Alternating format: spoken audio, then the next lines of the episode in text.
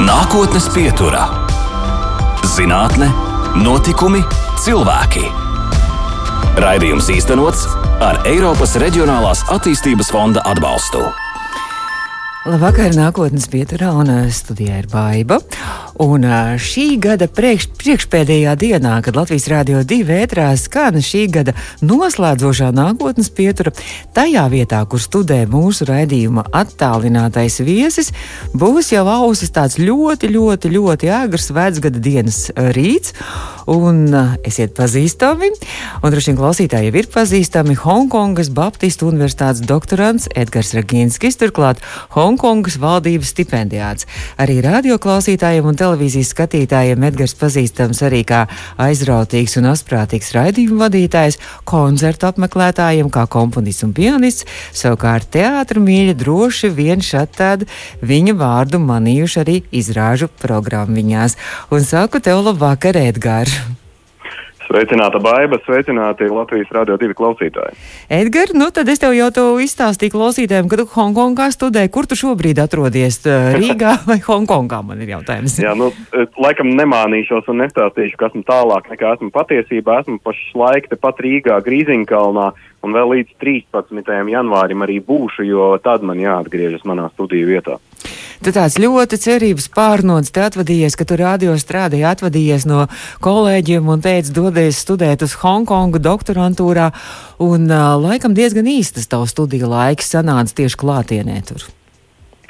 Nu, zini, vispār tā programma, kurā es iestājos, tā pētnieciskā doktorantūras uh, Programma ir trīs gadi, un tas doktorantūrā ir nepieklājīgi īsts laiks, kā droši vien daudzi radioklausītāji zinās un vismaz varēs iedomāties. Uh, un uh, šis īpatnējais stāvoklis, kāds pašlaik ir valstī, kādu mēs esam aizvadījuši 2020. gadu un kāds bija īstenībā arī 2019. gada nobeigums Hongkongā, nu, tas padarīja manas studijas maķenīt komplicētākas, jā, patiesi. Mm -hmm. Tad nebija, ne, nebija droši vien paredzējis tik ilgu laiku atgriezties Latvijā un turpināt Latvijā tās studijas attālināt.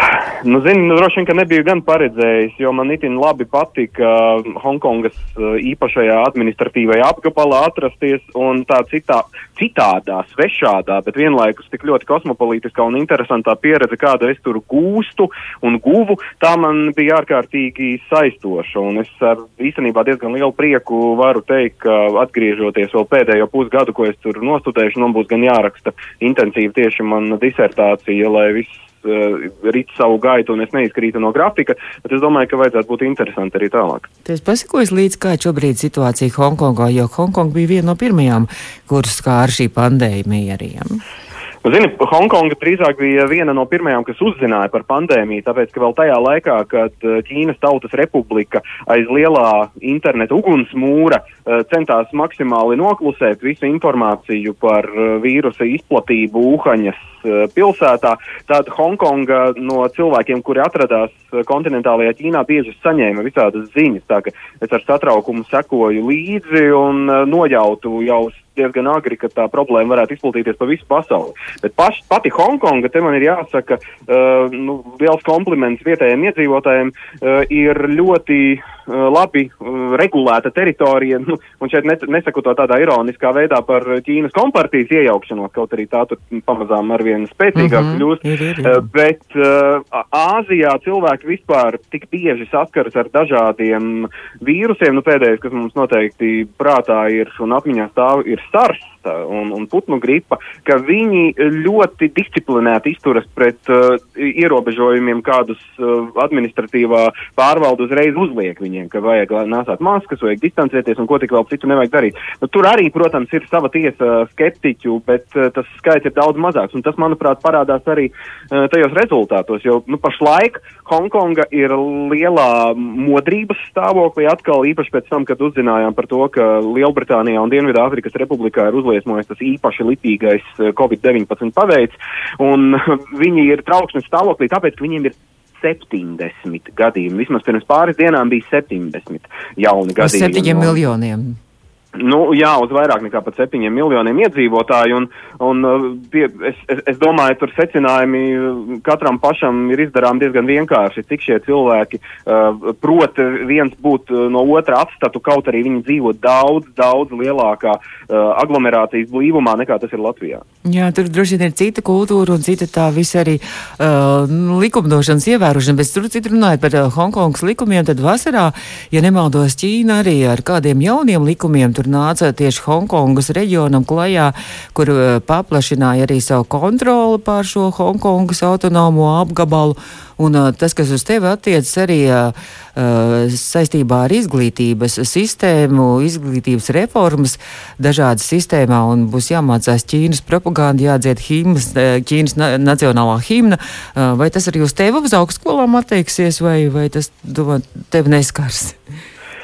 Es vēl esmu tajā Mm, nu, gan kategorijā un vecuma grupā, gan arī uh, izglītības uh, norises posmā, uz ko tas īsti neattieksies. Tāpēc, ka nu, uz augstskolas studentiem tur uh, ir diezgan ierobežota tā mm, propagandas iedarbība, īpaši uz startautiskajiem studentiem. Vienlaikus nevar noliekt, ka, protams, uh, ja iepriekš Hongkongā bija jāmācās citas koloniāla varas uh, himna un valoda, proti Lielbritānijas himna, un bija jāmācās angļu valoda, tad pēc 1997. 2007. gada, kad noritēja uh, Ķīnas un Lielbritānijas svinīgā, tā teikt, varas pārņemšana un nodošana, un hongkongieši no vienām koloniālu rokām pārnāca, pārgāja citās, uh, tad uh, nu, vi, viņiem pieauga nepieciešamība apgūt mandarīnu, respektīvi putonghua, mm -hmm. jeb ķīniešu oficiālo valodu, un tālāk tas būs tikai ar, ar vien lielākā intensitātē un ar vien blīvāk. Bet, nu, zini, kā tā ir ļoti, ļoti sarežģīta situācija, un uh, arī esot Hongkongā vēl uh, pagājušā gada rudens protestu nemieru laikā, es ar dalītām jūtām skatījos uz notiekošo, jo no vienas puses es ļoti labi uh, sapratu to cilvēku emocijas, kuri negrib, lai pār viņiem tiek uh, arvien sažņaukta kontrole no Ķīnas kompartijas, kas nelolosim ilūzijas, ir nu, totalitāra vara. Bet no otras puses, uh, tas, tā, tas veids, kā viņi to izvēlējās darīt, proti graujot savu pašu infrastruktūru, demolējot metro un lielveikals un, uh, nu, vārds sakot, mhm. apgrūtinot dzīvi pašiem uh, līdzcilvēkiem saviem, nu, tas, tas šķita vienlaikus vienlaikus ļoti simptomātiski tam, ka lielākā agresīvo protestētāja daļa bija studenti un jaunieši, no otras puses arī diezgan skumji. Jā. Par studijām, tad atgriežamies tad par tiem studentiem. Tieši arī minēja, tātad tu esi Hongkongas Baptistu universitātes doktorants, studē doktorantūrā. Kāpēc tieši Hongkonga un kāpēc tu esi saņēmis eh, Hongkongas valdības stipendiju? Un uh, tad mazliet arī par to savu universitāti. Tur laikam, cik es sapratu, 11 tūkstoši studentu vai daudz arī starptautisku un kā tā sadzīvo. Es daudz jautājumus mm. uzdevu. Uh, jā, jā, par, par visu pēc kārtas. Nu, jā, es esmu Hongkongzēns, daļēji man ir uh, uzturēšanās atļauja šajā vietā, un tas ir labi, jo pretējā gadījumā man šobrīd neļaut iebraukt Hongkongā. Tur tikai studējošie, strādājošie un citādā veidā vīzu ieguvušie var uh, iebraukt. Citā laikā gan tur trīs mēnešus tur uzturēties, teiksim, jebkurš Latvijas iedzīvotājs, nu, Latvijas pilsonis uh, un Eiropas Savienības pilsonis mm, bez problēmām. Bet uh, mana augstskola ir, uh, jā, tā ir mazākā vai viena no no mazākajām no valdības uh, sponsorētajām augstskolām oh. Hongkongā, un tajā mācās, kā tu pieminēji, tikai 11 tūkstoši, bet uh, iepriekš man šķiet skaits bija gan uh, lielāks, un tie bija 18 tūkstoši, bet es uh, iespējams varu šobrīd arī mazliet kļūdīties. Katrā gadījumā uh, studentu skaits ir pēc Latvijas mēroga ārkārtīgi liels. Tur studē gan uh, vietējie hongkondzēni, uh, gan no kontinentālās Ķīnas, gan arī no citām vietām pasaulē, tajā skaitā no Eiropas. Un startautisko studentu pievilināšana, piesaistīšana alus ir bijusi uh, Hongkongas viena no prioritātēm. Tas ir iemesls uh, tam, kādēļ viņi ir atzīti kā viens no uh, Āzijas kosmopolītiskākajiem uh, megapoļu centriem. No otras puses, uh, tas ir uh, viņu mērķis, lai būtu pēc iespējas starptautiskāks kontingents Hongkongā. Es domāju, viņiem lielā mērā uh, no tā, vismaz nosacītas autonomijas saglabāšanas viedokļa pret lielo Ķīnas brāli ir nepieciešams, lai būtu šie starptautiskie studenti. Ah, tāpēc, tāpēc, tāpēc, tāpēc viņš arī, viņi, viņi, tāpēc viņi arī šīs valdības stipendijas arī tā kā atbalstu dod starptautiskiem uh, studentiem? Ir vesela, ir vesela tās stipendiju programma, kas ir uh, īstenota Hongkongas augstskolās gan maģistrantiem, gan doktorantiem, un uh, tur var pieteikties uh, tevi jebkurš no visas plašās pasaules. Un kāpēc, ja, ja es atbildu uz jautājumu, kāpēc mm -hmm. es to dabūju, nu acīm redzot, tie, kuri atlasa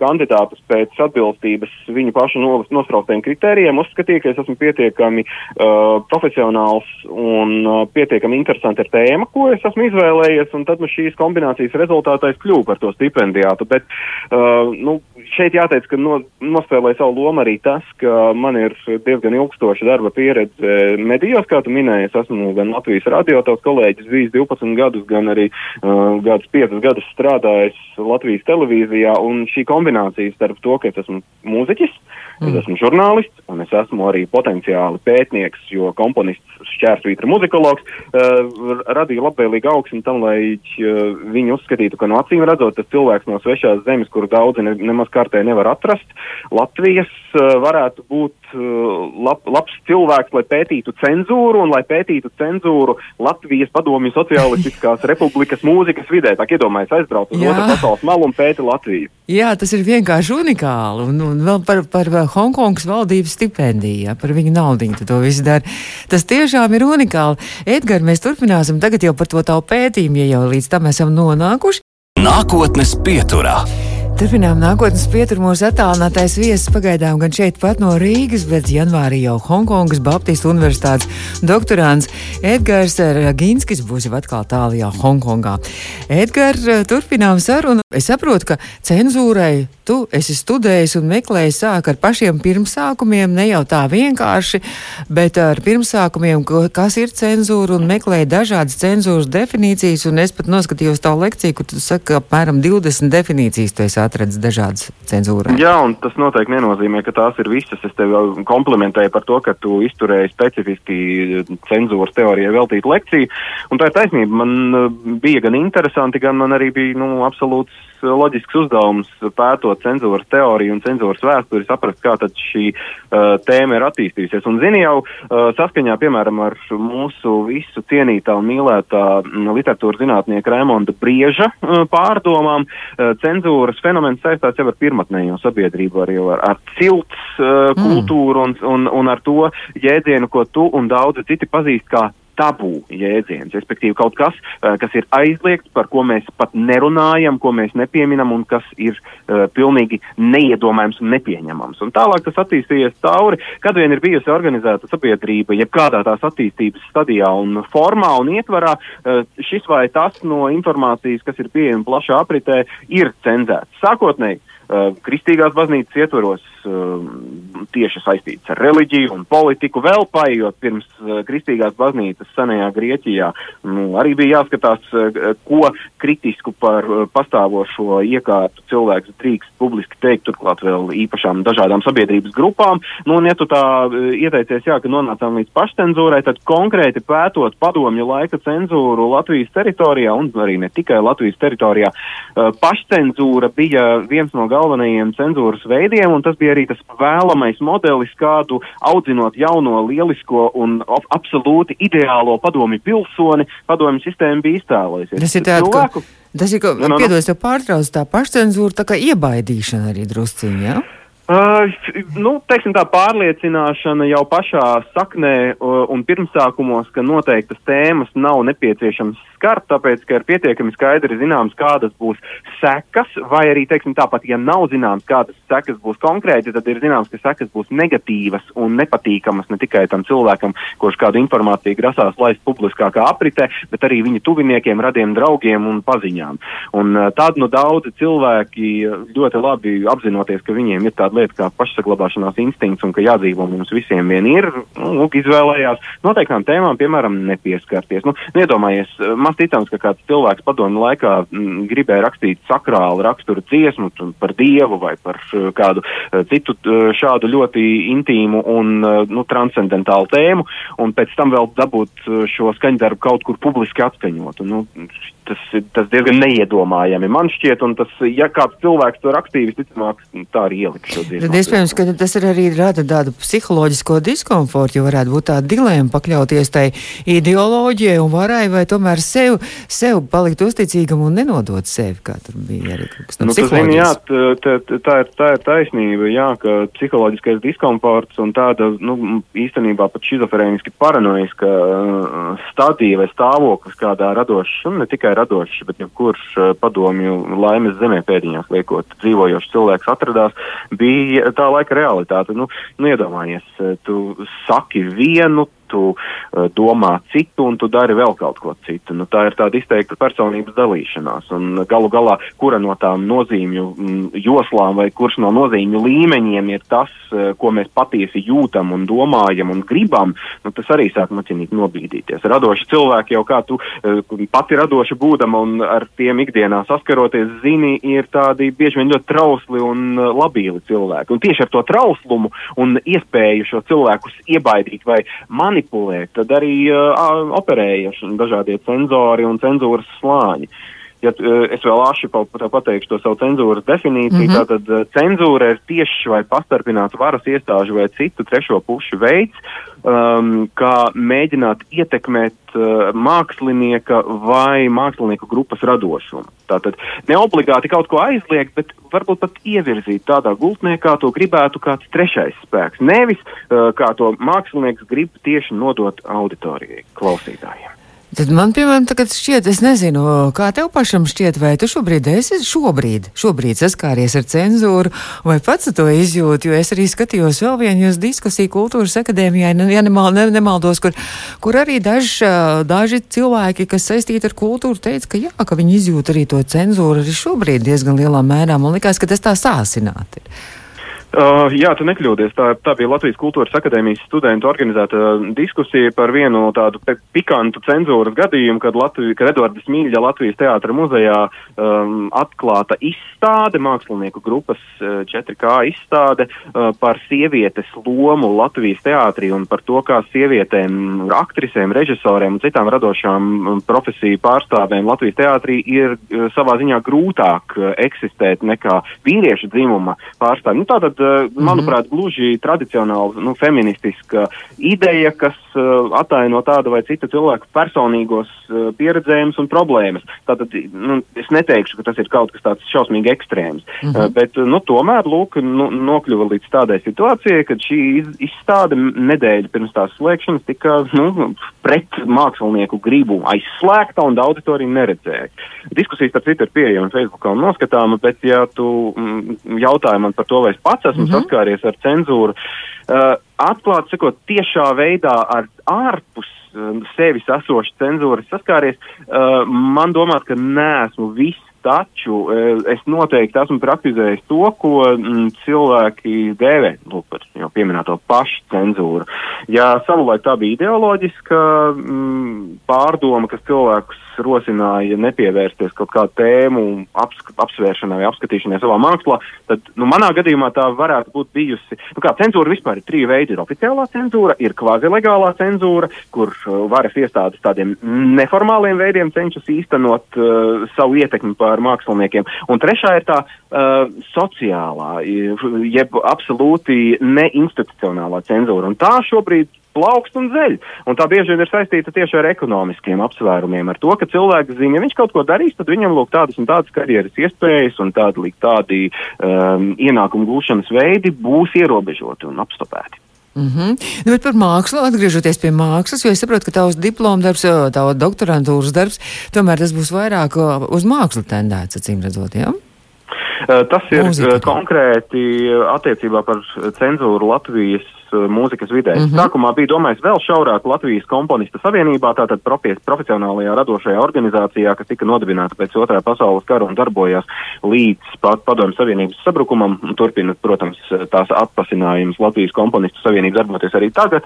Uh, kā cenzūra tika īstenoti šajā organizācijā, bet vēlāk uh, pētījuma gaitā es sapratu, ka cenzūra tieši šajā radošajā apvienībā tika organ, īstenot ļoti minimālā līmenī un īstenībā citās vietās tas notika. Noritēja. Tā par mūziku, jā, bet man ir zināma, nu, tā teikt, tagad jau ekspertīze vai vismaz kompetence runāt par cenzūru arī citās mākslas formās. Nu, bet tu kā mūziķis, es te gribu vaicāt tev vēlreiz, tu kā mūziķis, es izjūtas šobrīd šo situāciju, ka tev jāpakļaujas cenzūrai vai pašcenzūrai? Uh, nu, kā lai tev saka, zini, es drīzāk esmu viens no tiem po, vēlīnajiem padomju bērniem. Es piedzimu 1984. gadā, tātad jau padomju savienības eh, teju vai agonijas laikā, bet eh, tā vide, kas mani audzināja, proti tie mani skolotāji un tie mani pieaugušie, kas bija visapkārt, viņi bija jau uh, tādu padomju ideoloģijas nospiedumu savā dvēselē un savā apziņā vai zemapziņā ieguvuši, ka viņi kaut ko neizbēgami pārnes arī uz mani. Un, uh, es pieļauju, ka labu tiesu radoša ideja, kas man ir radušās kā māksliniekam, es neesmu īstenojis tā iemesla dēļ, ka kaut kādā brīdī uh, es sev esmu pajautājis, Edgars, bet vai tā drīkst klausies, bet vai tā vajadzētu, Edgars, bet varbūt, bet ko citi padomās par to? Lūk, un mans, uh, šī mana pārdoma kombinācijā ar to, ka es ne, neesmu no nekurienes nācis, ka man ir mani skolotāji, man ir skolotāji Pēteris Vasks, Pēteris Plakidis un citi latviešu komponisti, viņi ir saskārušies ar cenzūras roku un viņi tā ir centušies iespēju robežās pretoties, es sajūtu, ka esmu sodīts. Es, eh, es esmu parādā šiem cilvēkiem vismaz to, lai es pastāstītu par to, kas ir noticis. Nevis meklēt vainīgos, nevis rādīt ar pirkstu uz kādu un teikt, lūk, tas kaut ko darīja. Jo cenzūras lomas bija ļoti plūstošas, un tas, kurš vienā brīdī bija cenzējamais, citā brīdī varēja būt arī pats cenzors. Bet eh, to visu aprakstīt un atstāt nākamajām paudzēm, manuprāt, ir mans Latvijas kultūras dzīves dzīvotāja pienākums. Edgars, tu arī liki tagad droši vien varbūt daudziem aizdomāties, kuriem liekas, ka nav, viņi nav saskārušies ar šo cenzūru, varbūt arī ar to padomu laiku. Varbūt, ka ikvienam mums tomēr ir kaut kā no mūsu skolotājiem, no iepriekšējām paudzēm kaut kas jau tas tā pamazām, pamazām jau pārdots, pār, pār, pārdots tajos kaut kādos gēnos vai kaut kā tam līdzīgi. Mm. Jā, es tev daļai varu piekrist par to, ka m, mm, laba tiesa mūsu neapzināti ir kaut ko pārņēmuši arī šajā ziņā, jo tas, kā padomju savienības sākās ar to šaušalīgo terora un baiļu atmosfēru, kas tika iebiedēta, e, nu, tā teikt, ielikta sabiedrībā jau pašā, pašos pirmsākumos un pašā saknē, e, tā nevar e, nekur pazust, un mēs kā sabiedrība tikām traumēti ar tiem neskaitāmiem cilvēku tūkstošiem, kas cieta fiziski garīgi un kuri pazaudēja savus mājas un pazaudēja pamatu zem kājām, nemaz nerunājot par tiem, kuri vienkārši tika noslaktēti. Un tad eh, tā trauma, kuru mēs pārdzīvojam, tā vēl, kas mums vēl ar vienu, un kamēr mēs kā sabiedrība neesam pilnībā atvesaļojušies, apzinājuši mm. šīs traumas, mēs nevaram pāriet jaunā kvalitātē. Un atkal jau, eh, es pateikšu vienu tādu varbūt pretrunīgu lietu un, un, un, un pārdomas, bet uh, piedod. Cenzūra, jebkurā sabiedrībā ir absolūti normāla. Uh, izpausme, jeb normāla parādība, jo, lai sabiedrība kā noteikta struktūra varētu pastāvēt, ir nepieciešams noteiktu noteikumu kopums, kas ir arī jāievēro. Redz, jo pretējā kā. gadījumā sāksies anarhija un, un katrs darīs, ko gribēs. Nedomājies, piemēram, rītdien tiek pasludināts, ka uh, porno uh, rakstura informācija tiek uh, brīvi izplatīta bērniem. Ja? Nu, tas taču ir nepieņemami. Vai, ka, piemēram, mēs varam stāstīt par to, ka, nu, sasodīts, mēs taču drīkstam gāzt Latvijā valdošo varu, un es to, protams, neaicinu nevienu uz to, es vienkārši minu to kā piemēru piemēru, tad uh, tas apdraudētu mūsu valsts pastāvēšanu. Cita lieta ir tā, ka uh, cenzūras aparāts vismaz uh, pirms Padomju Savienības, gan uh, cariskajā Krievijā, kur Latvija bija tās sastāvdaļa Latvijas teritorija, gan pēc tam neatkarīgajā Latvijā, cenzūra bija skaidra. Bija zināms, kas ir cenzors, bija zināms, uh, par ko cilvēku var cenzēt, bet padomju laikā tā īpatnējā parādība un tā šizofrēniskā parādība bija tas, kas bija gan anonimizēti tie, kas cenzēja, gan nebija skaidrs, ko tad īsti drīkst vai nedrīkst. Un tieši šī nestabilitāte, šī ārkārtīgās tādas uh, nu, paranoisko baiļu atmosfēras sajūta un situācija cilvēkos arī radīja to, manuprāt, vienu no lielākajām traumām. Nākotnes pietur turpinām mūsu viesis attālinātais Edgars Ragīnskis, arī podkāsto šo rēdījumu rītā varēsiet dzirdēt meklēt uh, Google, Apple, Spotify un, protams, arī mūsu Facebook audio saitē. Edgars, tu vēl tur esi, vai ne? Par to cenzūru turpinām. Un uh, man liekas, ka ļoti interesanti mums vēl jāpaspēj tomēr izstāstīt, ka nu, tas nav tikai tāds teorētiķa darbs un tas vēsturnieka darbs, ko tu tagad dari, un filozofa darbs, jo tev būs, starp citu, uh, grāts, doktora grāts filozofijā, cik es saprotu, ja? Jā, es ar tāpat saprotu. nu, lūk, bet tas ir arī tāds uh, tikšanās, es saprotu, intervijas, arī aptaujas. Tev jāmēģina tikties arī vēl tiem uh, cenzūras, vēl acu lieciniekiem, un tas ir galvenais izaicinājums, jo laikam tas lielākais izaicinājums ir faktoloģisko pierādījumu trūkums. Ja? Jā, tieši tā, un tā ir arī galvenā problēma visā cenzūras pētniecībā, ar kuru ir saskārušies daudzi, jo daudzi pētnieki, proti tas, ka uh, savu laiku totalitārā cenzūra PSRS ļoti rūpīgi slēpa cenzūras faktus, viņi slēpa pierādījumus par šiem notikumiem, viņiem pat bija īpašas atskaites, kas bija cenzoriem jā, jāuzraksta viņu priekšniecībai, ka viņi ir iznīcinājuši gan cenzējamo informāciju, gan arī liecības par cenzūru. Tāpēc, uh, ka tad, kad es tikko pu grasījos publicēt vienu rakstu, un tas drīz tiks publicēts, uh, viens vācu recenzents izteica šaubas, nu kur nu tur vai tiešām ir jāpaļaujas tikai uz intervijām un tikai uz aculiecinieku atmiņām, jo esot taču noteikti kaut kas atrodams arī arhīvā. Nu, lūk, vācu pētnieks noteikti ir strādājis savas zemes arhīvos un pat štazī, jeb uh, slepeni policijas Vācijas Demokrātiskajā republikā arhīvos. Tas varētu būt izdarāms, bet uh, PSRS Nē, atvainojiet, diemžēl tas ir grūti, un tad tiešām ir maksimāli ātri jāpaspēj nointervēt un apzināt visus tos cilvēkus, kurus nu vien es varu, kuri bija vai nu cenzūras uh, rata vienā vai otrā pusē, un katrā gadījumā atcerēties to, ka ir jāuzklausa cilvēka emocionālais pārdzīvojums un viņa atstāts, lai vismaz šī viņa balss nepaliktu no apspiesta, lai viņa informācija nepaliktu nepateikta, un lai uh, nākamās paudzes uzzinātu, ka bija šāda lieta, ka bija šāda problēma. Bet tas nozīmē, ka es, es arī nākotnē izvairīties. Piedod, es tev papildinājot vienkārši vienu jautājumu gribu uzdot. Tas nozīmē, ka iznīcināti ir šie arhīvi, kur viņi ir palikuši tās liecības. Uh, jā, gada laikā pēc tam, kad bija noticis cenzūras fakts uh, un cenzūras incidents, bija jātiek iznīcinātiem arī visiem dokumentāliem apliecinājumiem par to, ka šis cenzūras notikums ir bijis. Lūk, šāda, tā, nu, nu, nu, bez mazliet tā anekdotiski, bet īstenībā gluži nopietni un skaudri uztverama informācija. Tāpēc vienīgais, ko es, teiksim, atradu uh, valsts arhīvā, skatot centrāla komitejas uh, arhīva fondu, ir tas, ka ir iznīcināts tas un tas un tas un tas, bet tie dokumenti attiecas lielā mērā uz starpresoru vēstulēm, dažādu komunikāciju, un ja runa ir par, teiksim, mākslas darbu cenzūru, tad tas bieži vien vispār netika dokumentēts. Šādā veidā es gluži nejauši uzgāju savu mīļā skolotāju Pētera Plakida vienas dziesmas cenzūras gadījumu, par to man pastāstīja profesors Jānis Torgāns, savu laiku ļoti ietekmīgs uh, muzikologs un uh, arī mūzikas dzīves darbinieks un dalībnieks, un šā, šādi uh, fenomenoloģiski, jeb tā, no, no reizes uz reizes, no gadījuma uz gadījumu mēs varam kaut ko uzrakt,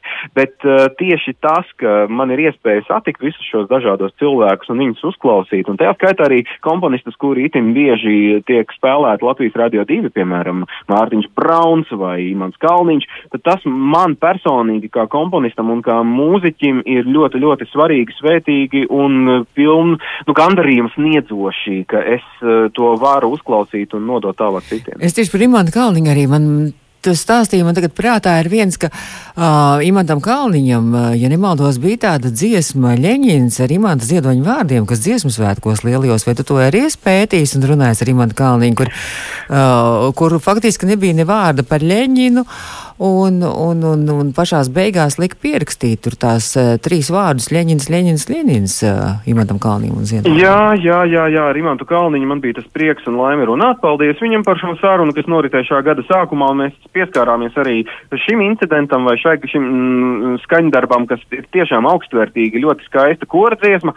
Un beigu beigās, jā, šie pilnīgi tā kā no citurienes esošie tur Leņķins, Leņķins, Leņķins. Uh, tur gan uh, Imants Kalniņš skaidroja šo incidentu prezidentu vēl maķinīt citādāk, jo uh, pati revolūcija un pati tur uh, doma par atjaunotni un pāriešanu citā kvalitātē viņam uh, tobrīd nešķita problemātiska tādēļ, ka stāsts bija vēl par sa senāku vēsturi, nevis par padomu laiku, bet, ja godīgi no savas puses, es varu interpretēt šo un citus cent, nu, tādus uh, varas rev, iestādēm īstenots reveransus, kā drīzāk cilvēku vēlmi izdzīvot. Teiksim tā, mm -hmm. lai ir uh, vilks paēdis un kaza dzīve, protams, ir nekādām uh, tiešām paralēlēm, bet stāsts par to, ka, uh, ja tu vēlies, lai to mūziku spēlē, un ja tu vēlies, teiksim, kultūras ministrijas pasūtījumu vai mūzikas fonda pasūtījumu, tad tev ir jāpiedalās tādā vai citā konkursā, tad tev ir uh, jādod uh, tas, mm. kas ķēzaram, tas, kas ķēzaram pienākas. Nu, lūk, bet, tā ir reāla politika. Bet zini tikai vienīgi tas, ka, nu, jo mēs aiz, aizpildījām droši no cenzūras, bet tikai tas vēl labums, ka tomēr ir citi laiki nākuši un daudz, kas, kas, kas bija aizliegts, kas bija norakts, kas bija noslēpts. Un labi, ka nepazudis tas pats arī Rēmons Pauls ar Edgara Liepiņu plati, trīs mm -hmm. runči un, un vēl un vēl, un kāpēc man dziedāt svešu dziesmu, kas vispār kaut kur, kāds bija kaut ko saglabājis, un tomēr tas, tas ir atgriezies. Jā, atgriezies ir, un tas ir labi, ka šie skaņdarbi, kuri tobrīd nevarēja tikt atskaņoti daļēji, ir atgriezušies. Cik nav atgriezušies, mēs nekad neuzzināsim, mm. bet no otras puses ir palikusi tā problēma, bet ko tad darīt ar tiem darbiem, kas tika radīti uh, padomju laikā un kurus var daļēji pasludināt par konjunktūras skaņdarbiem. Arī pieņemsim tevis pieminēto Imanta Kalniņa darbu. Un šī uh, tēma, manuprāt, mūsu sabiedrībā vēl nav līdz galam izdiskutēta, vismaz mūzikas vidē, un par to nākotnē mums neizbāgam nāksies runāt. Uh, es domāju, savus korekcijas korekcijas ieviesīs laiks, nu, un tad, kad nomainīsies paudzes, un tad, kad es, teiksim, vairs nebūšu uh, jaunās šķērsvītra vidējās paudzes pētnieks, bet jau kāds seniors, nu, tad varbūt varēs drusku brīvāk šai tēmai pievērsties. Nu, tev vispār tavs darbības lauks šobrīd, man liekas, ir ļoti plašs, un tu ļoti dziļi tver un dziļi roc, un, uh, un es ceru, ka mm, pusgadu laikā tu pabeigsi to visu un atgriezīsies atkal Latvijā. Latvijā noteikti atgriezīšos jebkurā gadījumā, jo pēc māja domāju, ka man Hongkongā būs mazliet par karstu un es gribēšu dzimtajā pusē darboties. Uh, un, uh, Protams, ka es savu disertāciju centīšos uzrakstīt noteiktajā laikā. Ja neuzrakstīšu, uzrakstīšu ilgāk. Tas man šķiet katram doktorantam ir skaidrs, bet uh, pašlaik es šādu variantu tomēr īsti neizskatu. Es gribu visu izdarīt atbilstoši savam laika grafikam, kur esmu salicis. Un vai tev iznāk arī atliek mazliet laika arī nu, tavai pamatprofesijai, komponēšanai? Skatījos arī pavisam nesen teātra balvā, to starp citu spēlmeņu naktī arī bija nominēts. Jā, to mūziku es vispār rakstīju Hongkongā atrodoties un, oh. tā teikt, distancēts vēl pirms mēs te sākām runāt par distancēšanos. Uh, Sveitiem Kristai Burānai un visai netikumīgo komandai. Uh, bet, uh, jā, šajā rudens posmā es esmu uzrakstījis mūziku vēl vienai teātra izrādē un aicinu nākamajā gadā, kad to atkal drīkstēs darīt, doties uh, mūsu un Valtera Stīļa kopīgi veidotā izrādē Mešs. Tur ir, ir Diptiks Nacionālajā teātrī Mešs un pilsēta, kur vienai daļai autors mūzikai esmu es. Uh, un uh, tikko man bija tas prieks un gods uh, rakstīt uh, mūziku pēc Pētera Vaska fonda pasūtinājuma, un es ļoti ceru, ka aprīlī varēs būt arī koncerts, kurā mūziķi Dace, Zālīti Zilberte un Mārtiņš Zilberts spēlēs manu skaņdarbu čellam un klavierēm baznīcas vaniķa sapnis. Cerēsim uz labākiem laikiem un gaidīsim, kad tie atgriezīsies, vai ne? No tālas mums ir dieva Labi, saku, Edgars, tev paldies, laimīgi jauno gadu. Edgars Ragīns, kas bija mūsu viesis, šodien attālinātais viesis, cer arī kādreiz tikties atkal klātienē. Izskan nākotnes pieturā. Raidījums īstenots ar Eiropas Reģionālās attīstības fonda atbalstu.